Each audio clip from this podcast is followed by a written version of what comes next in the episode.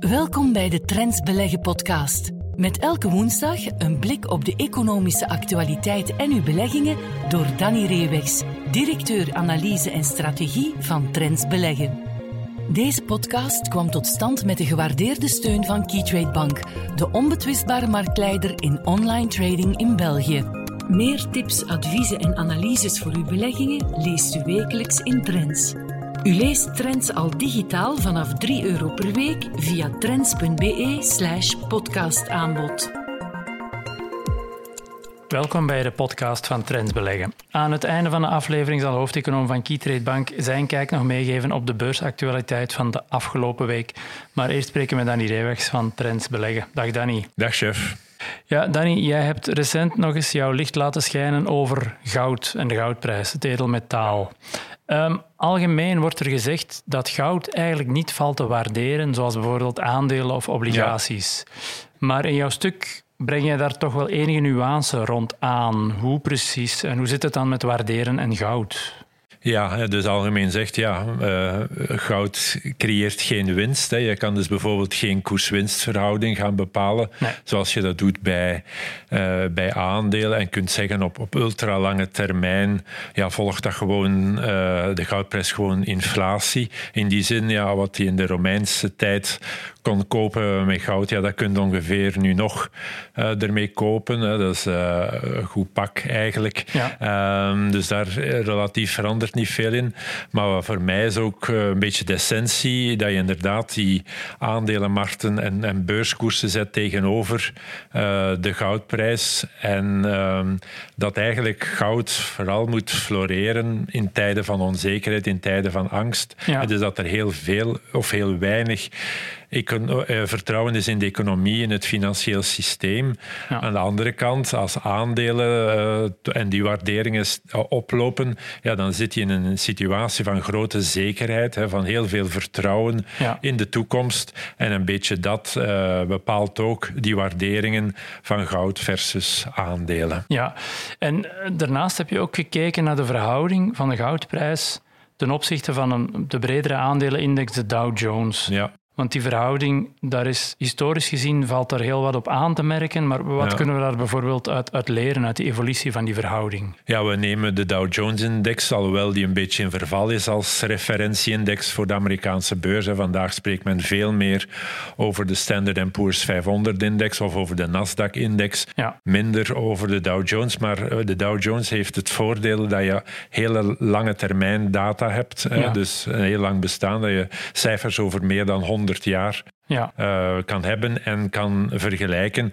En dan zie je dus op momenten van enorme diepgang, van enorme angst, dat die verhouding, toevallig of niet, in de jaren 30 en uh, rond uh, 1980, dat de verhouding tussen de Dow Jones en de goudprijs 1 was. Hè. Dus 35 dollar in de jaren 30 en 800 dollar of 800 punten voor de ja. Dow Jones in index in, in 1980. Dus dan de verhouding 1. Maar we hebben ook al een keer een verhouding gehad van 45, dat de Dow Jones index, index 45 keer de, de goudprijs was. Momenteel zit op een verhouding van, van 17.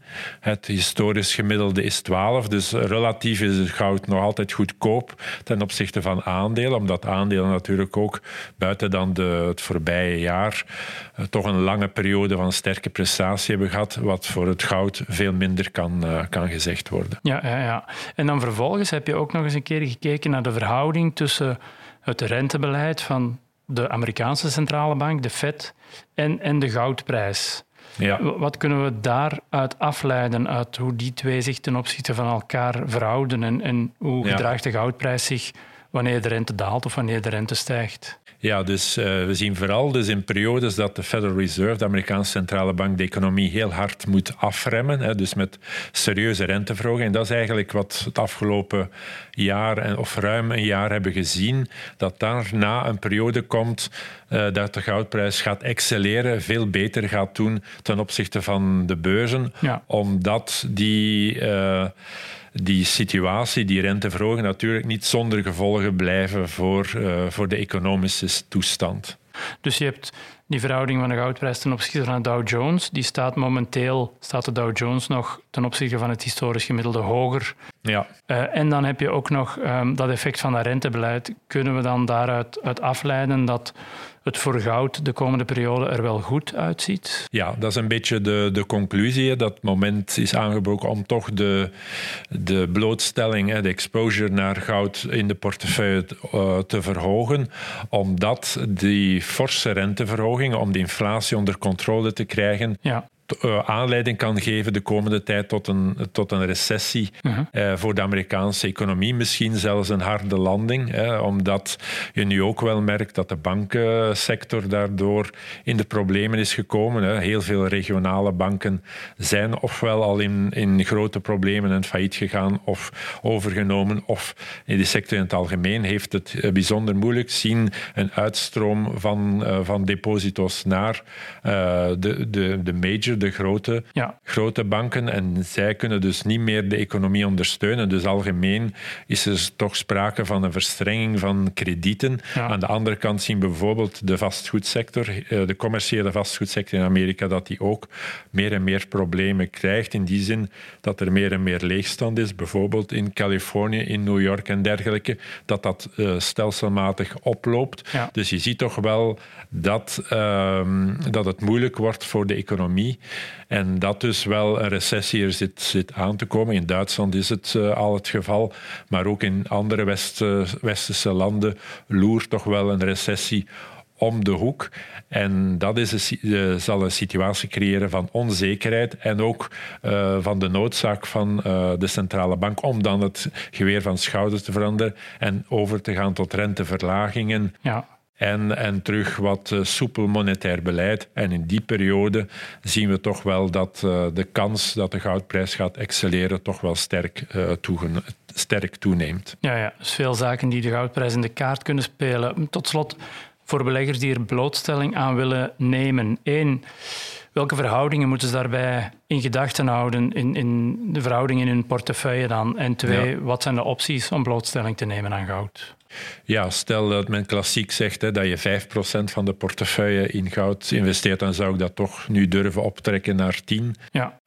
Dus als tegenwicht voor een mogelijk moeilijkere periode terug voor de beurzen, als, dan, als de westerse economieën in recessie zouden gaan, uh, gaan belanden. Ja. Want sommigen zeggen dat het eigenlijk al begonnen is, ook voor, voor de Verenigde Staten, alhoewel dus de arbeidsmarkt tot nu toe een ander, uh, ander beeld geeft. Ja. En dan zou ik dus uh, in die uh, blootstelling aan, aan goud of aan edelmetalen in het algemeen toch sowieso gaan de helft voor fysiek goud, al dan niet via het kopen van, van een trekker zoals de Gold Bullion Securities. En dan voor ruimere ja. portefeuilles en mensen die wat meer risico aan kunnen, kunnen we dan ook kijken naar eventueel een, een, trekker op, uh, op goudmijnen. Ja, en dan voor de aandelen die je er voor deze week hebt bijgenomen. Het eerste is uh, de olietankerrederij Euronav. Ja. Maar de rederij zit zonder kapitein. wat, is er, wat is er gebeurd? Ja, plots kwam er het bericht dat Hugo de Stoop, toch sinds een aantal jaren de, de CEO, de topman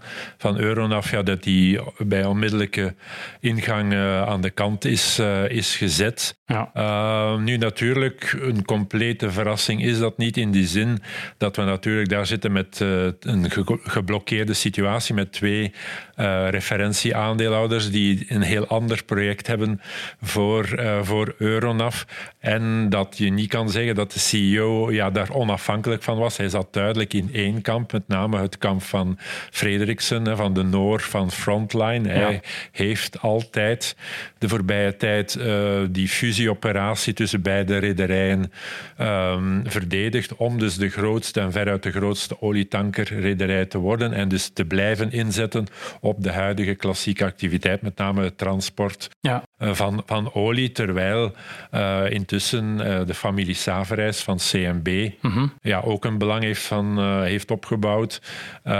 En die natuurlijk een heel an, ander project hebben met Euronav, met de, de vergroening mm -hmm. uh, richting waterstof. En dus ja, als die uit die padstelling willen komen, ja, dan kon eigenlijk de stoop niet meer die rol spelen. Vooral wat gevoelig lag natuurlijk bij de familie Saver, is dat hij heel lang als CFO, als financieel directeur onder uh, Saverijs heeft, heeft gediend. Ja. Uh, en dus eigenlijk een beetje gezien wordt ja, als een verrader in de zin dat hij niet, het, uh, niet de, familie is gevolgd, maar uh, toch verrassend waarschijnlijk voor hen volledig de kant heeft gekozen van het kamp uh, Frederiksen. Ja, ja, ja. Nu, ondanks die saga is het bedrijf wel met resultaten gekomen. Ja. Um, wat vertelden die en hoe verhielden die zich ten opzichte van dezelfde periode vorig jaar? Ja, in die hele padstelling uh, is het toch wel een, een gunstig uh, en toevallige evolutie dat nu net de markt, uh, olietankermarkt in een gunstige situatie zit. Natuurlijk, dat vergemakkelijkt niet de snelheid waarmee er een oplossing zal gezocht worden, want het onderliggend moet het niet, ja. want het bedrijf doet het heel goed. En dus, het is altijd alles of niks in die business. Je kent weinig bedrijven waar de resultaten zo hard ja. van links naar rechts gaan, van, omdat de tarieven in olie, uh, tanker, kunnen gaan van onder de 10.000 dollar per dag, de huurtarieven, tot boven de 100.000. En momenteel zitten we boven de 50.000. En dan wordt er wel heel goed geld uh, verdiend. Nu zelfs 0,87 dollar per aandeel op één kwartaal. Ja. En vooral in deze periode, zeker het tweede kwartaal, is normaal gezien hè, met uh, richting zomer op het noordelijk halfrond, waar het mhm. meeste olie wordt geconsumeerd, is dat een, een zwakke periode. En nu, uh, zelfs voor het tweede kwartaal, worden heel gunstige vooruitzichten gegeven. Dus momenteel zit het echt wel goed. En dat mag ook wel, want we hebben enkele heel moeilijke jaren. 2020 was nog een topjaar en dan hebben we toch twee jaar ongeveer door de woestijn moeten gaan met zeer lage tarieven, met verliezen. Ja die euro afgaf. En bovendien dus de opbouw van die problematiek tussen de twee blokken. Maar dus op winstvlak gaat het eh, voor de wind. Eh, betekent dat ook iets voor het dividend? Wordt die winst uitgekeerd? Kunnen de aandeelhouders daarvan profiteren? Volop zelfs. Eh, op dat vlak is Euronaf zeer royale betaler van dividenden. Als de winsten toes, toelaten, wordt een hoog percentage van de winst uitgekeerd. En nu zit het toevallig dat de aandeelhouders op heel korte tijd, enkele weken, in juni twee dividenden gaan ontvangen. Eén nog het jaar dividend 20. Eh, 22 en dan ook al een dividend over het eerste kwartaal van 2023. En eigenlijk krijgen ze dan ongeveer al meer dan 9% eh, dividendrendement. Dus op dit moment is Euronaf weer een van de best betalende dividendaandelen op Euronext Brussel. Ja, en over dividendaandelen gesproken, het tweede aandeel dat jij erbij hebt gehaald is ehm, de Belgische bank KBC. Ja. Ehm, als we naar de koers van KBC kijken, um, die is wel grillig geweest de afgelopen perioden. Hoe ja, komt dat? Eh, natuurlijk, ja. De inflatie-evolutie is heel grillig. Uh, het beleid van de Europese Centrale Bank is heel grillig in die zin dat de ECB lange tijd ge, uh, gewacht heeft om die opkomende inflatie te vertalen in renteverhoging. Dus op dat moment ja. hadden de Europese banken het bijzonder moeilijk, hè, want ze hadden geen vergoeding. Ze moesten zelfs strafrente betalen, terwijl ja, die inflatie volop ging. Hè, dus dat was uh, heel moeilijk. -huh. Maar ondertussen is het ECB-rentebeleid helemaal veranderd. Hebben al heel veel renteverhoging gehad. En momenteel krijgen ze dus een heel mooie rente op het geld dat geplaatst wordt bij de, de ECB. En aan de andere kant, dat is ook het grote thema van, van vandaag natuurlijk. Heel de discussie, ook politiek zelfs.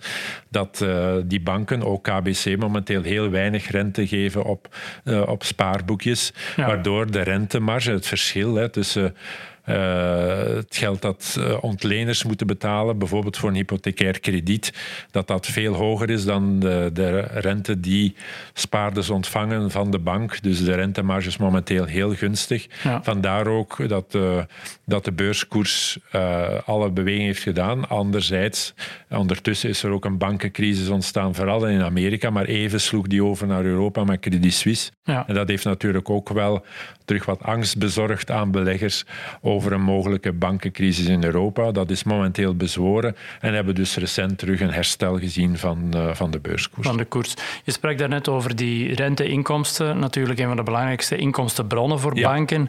Um, als je naar de recentste resultaten kijkt en de rol die die renteinkomsten daarin speelden, wat, wat moeten we daarover onthouden? Ja, het, het, eh, het, eerste kwartaalrapport bij KBC was gemengd. In die zin, vlak van netto-winst was het veel beter dan verwacht. Mm -hmm. Maar dat heeft dan te maken met uh, stopzetten en de vergoeding die daarvoor gekregen is van KBC Bank Ireland. Uh, maar als je kijkt naar de basis van, uh, de winst eh, van een bank, hè, dat zijn die netto renteinkomsten, ja, daar was dat toch wel teleurstelling. Die bleven onder de verwachting, onder andere ook omdat midden februari die verkoop was afgerond in Ierland, maar toch ook wat, wat druk op ehm, een aantal inkomsten daar. Dus globaal gezien, en dat was lang geleden, dat KBC geen perfect rapport kon voorleggen geen perfect rapport qua resultaten, maar we spraken daarnet over dividendaandelen. Um, heeft dat weerslag op het dividend? Nee, absoluut niet. Hè. Uh, KBC is, we moeten natuurlijk teruggaan naar de coronacrisis. Op dat moment had de ECB gevraagd aan de banken in Europa om voorzichtig te zijn, geen dividenden uit te keren, om zoveel mogelijk reserves binnen de financiële instelling te houden. Daar heeft KBC zich ook aan gehouden, ondanks het feit dat er eigenlijk geen problemen waren. En dan is er vooral vorig jaar een zeer zware inhaalbeweging geweest, waardoor KBC een uitmuntende dividendbetaler was. En ook nu mhm. uh, zullen ze een heel mooi dividend, 4 euro bruto in totaal brengen, wat op, op de koers van 60 al een zeer mooi uh, stevig rendement is. Maar KBC is, dat weten we ook al langer, een van de uh, banken in Europa, toch van de systeembanken met de beste ratio's, waardoor ze dus eigenlijk surplus kapitaal hebben, die eigenlijk te veel is. En dan is er ook nog de opbrengst van de verkoop van KBC Bank uh, Ireland, zodat er eigenlijk nog 1,4 miljard euro aan surplus kapitaal is op dit moment. Dat kan gebruikt worden om nog een extra dividend uit te keren of om een inkoopprogramma van eigen aandelen op te starten. Wellicht krijgen we een mengvorm ja. van beiden. Alleen aan de uh, beleggers hadden ook wel verwacht daar nu uitsluitsel over te hebben. Dat kan nog niet omdat de ECB nog wat meer tijd nodig heeft. Men verwacht in juni een, toelating zal geven en dan kan KBC aankondigen hoe dat ze dat surplus kapitaal gaan verdelen. Eh, tot slot, um, al die zaken, zowel de resultaten als de vooruitzichten qua dividend, Hoeveel daarvan zit al in de koers en hoe noteert het qua waardering momenteel? Ja, we moeten vaststellen dat bankaandelen al langer, ook in Europa, uh, heel goedkoop uh, gewaardeerd worden. Allee, veel goedkoper in Europa dan uh, in de Verenigde Staten. Ja. bijvoorbeeld heeft natuurlijk te maken nog met de naweeën van de bankencrisis en dus de lastige situatie met die rentebeleid van, van de ECB. Maar dus het afgelopen jaar is dat fundamenteel gekeerd. En dan was er dus een inhaalbeweging. De waarderingen van die bankaandelen begonnen toch terug wat op te lopen. Ja. Alleen ja, kwam er dan die situatie met Silicon Valley Bank, Credit Suisse en andere, dan terug banken in Amerika, waardoor het vertrouwen wat begon weg te, uh, te ebben. Maar eigenlijk ja, moet je toch zeggen dat uh, bankaandelen als KBC toch relatief gezien goedkoop gewaardeerd blijven. Oké, bedankt voor jouw tijd en inzichten daarover deze week en graag tot volgende keer. Tot volgende keer. Dag. We luisteren nu naar Geert van Herk, Chief Economist van Keytrade Bank, met zijn analyse op een aspect van de economische actualiteit. Hallo iedereen en welkom bij onze wekelijkse bijdrage aan de Trends Beleggen podcast. Enkele weken geleden sprak ik in deze podcast over het reshoring-fenomeen. Dat is het fenomeen waarbij men verwacht dat internationaal opererende bedrijven een stuk of hun gehele productie opnieuw gaan overbrengen van het Verre Oosten naar ofwel Europa of de Verenigde Staten. Ik heb toen een aantal aandelen opgesomd in die podcast van, ja, die mogelijk konden profiteren of verliezen van deze reshoring trend. En een aantal luisteraars die toch weten dat het vrij interessant vonden om te kunnen weten ja, van welke aandelen, sectoren kunnen winnen of verliezen bij een aantal trends die men toch de komende jaren verwacht. Dus daarom dacht ik een beetje op het verdere, om, die, om dit verder een beetje wat uit te spitten. En afgelopen week kreeg ik bijvoorbeeld een rapport binnen van eh, JP Morgan, waarbij men nog eens terugkwam op toch de inflatie. De inflatie is de afgelopen jaren zeer sterk toegenomen. Nu is er toch al een aantal, een aantal maanden een soort afkoeling bezig van de inflatiecijfers. Maar het is toch bij velen, denk ik, leeft toch de overtuiging dat de inflatie de komende jaren verder de hoogte zal ingaan. Waarom? Omdat men toch verwacht dat de internationale grondstoffenprijzen hoger en hoger uh, zullen gaan. Dus opnieuw, er zullen een aantal aandelen of sectoren gaan zijn die profiteren van deze hogere inflatiecijfers en die je dan ook in je portefeuille kan stoppen om toch zo een stukje indekking in de portefeuille te hebben tegen hogere inflatiecijfers. En natuurlijk zijn er dan ook verliezers, bedrijven die verliezen bij hogere inflatiecijfers.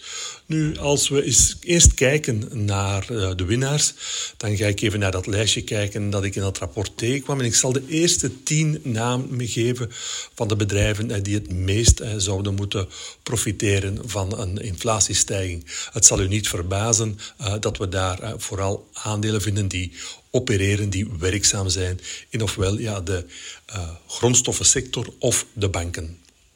Goed, hier gaan we. ArcelorMittal, Tenaris, dat is een Italiaanse producent van onder andere pijpleidingen, Glencore, Société Générale, BNP Paribas, ING Groep, KBC, Anglo-American, ABN AMRO en tenslotte ENI, de Italiaanse olieproducent. Dus ik denk dat hier niks nieuws onder de zon is. Dus vooral grondstoffen en financieel gerelateerde aandelen zullen profiteren van hogere inflatiecijfers. De banken denken dat dat vrij duidelijk is, omdat een periode van hogere inflatiecijfers toch altijd gepaard gaat met hogere rentevoeten. En ja, eh, een hogere rentevoeten, een positievere yield curve, dus het verschil tussen korte termijnrente en lange termijnrente, is dan denk ik zeer zeker in het voordeel van uh, de banken. Goed, keren we dan even terug naar de mogelijke verliezers uh, van een nieuwe inflatieopstoot. Opnieuw, ik denk toch dat we hier opnieuw uh, toch vrij bekende namen uh, zullen tegenkomen. Opnieuw, ik geef de eerste tien namen die men eigenlijk in die tabel zet van de verliezende aandelen. Goed, dat is het Ierse, of het Engelse, excuseer me, Reckitt Benckiser, Unilever, Nestlé, Swisscom, National Grid, dat is een beetje de Engelse tegenhanger van ons Elia, GlaxoSmithKline, Elia, Danone, Novartis en Diageo. Dus we zien toch uh, opnieuw een aantal denk ik, producenten van uh, levensmiddelen. Ja, en ja, grondstoffen zijn niet enkele olie, koper uh, of aardgas, hè, maar men rekent daar toch ook de landbouwgrondstoffen toe. Dus opnieuw, hè, als de grondstoffenmarkten substantieel hoger zullen gaan in de toekomst, zullen natuurlijk ook de landbouwprijzen, de prijzen voor landbouwgrondstoffen, toch opnieuw de hoogte ingaan. Wat dan toch een beetje nadelig is voor bedrijven die deze landbouwgrondstoffen nodig hebben in hun uh, productieproces. Um, we zien er natuurlijk ook Elia en uh, National Grid uh, in uh, terugkomen, dus uitbaters van hoogspanningsnetwerken. Dat komt toch ook omdat hun winstcijfers toch voor een deel ook gedreven worden door hoge investeringen. Hoge investeringen betekent natuurlijk ook ja, dat men schulden moet maken om die investeringsplannen te financieren. En dat komt natuurlijk ook dan uh, ja, leningen met een hogere rentevoet, een hogere prijskaartje voor de uitbaters van de hoogspanningsnetwerken. Dus opnieuw, bekijk misschien eens even je eigen portefeuille. Kijk een keer naar, uh, ja, zitten daar veel aandelen in die mogelijk kunnen profiteren? Of is mijn portefeuille al gericht op de traditionele winnende sectoren, eh, zoals grondstoffen en financiële aandelen? Of ben ik in tegendeel op dit moment misschien wat meer blootgesteld aan uh, consumentengerelateerde aandelen, die het misschien wat moeilijker kunnen hebben als de inflatiecijfers opnieuw de hoogte ingaan? En wat, want we weten dat, dat dat is toch een beetje een aantasting van de koopkracht in de westerse wereld. Dus voilà, winnaars en verliezers uh, van het inflatiethema. We komen volgende week in de, de, nieuwe podcast terug op onze relatieve momentumstrategie uh, voor de Bel 20. Opnieuw dan gaan we kort even in op ja, de sterkste en de zwakste aandelen uit de Bel 20. Tot volgende week. Meer tips, adviezen en analyses voor uw beleggingen leest u wekelijks in Trends. U leest Trends al digitaal vanaf 3 euro per week via trends.be/slash podcastaanbod. Deze podcast kwam tot stand met de gewaardeerde steun van Keytrade Bank, de onbetwistbare marktleider in online trading in België. Volgende week zijn we er opnieuw.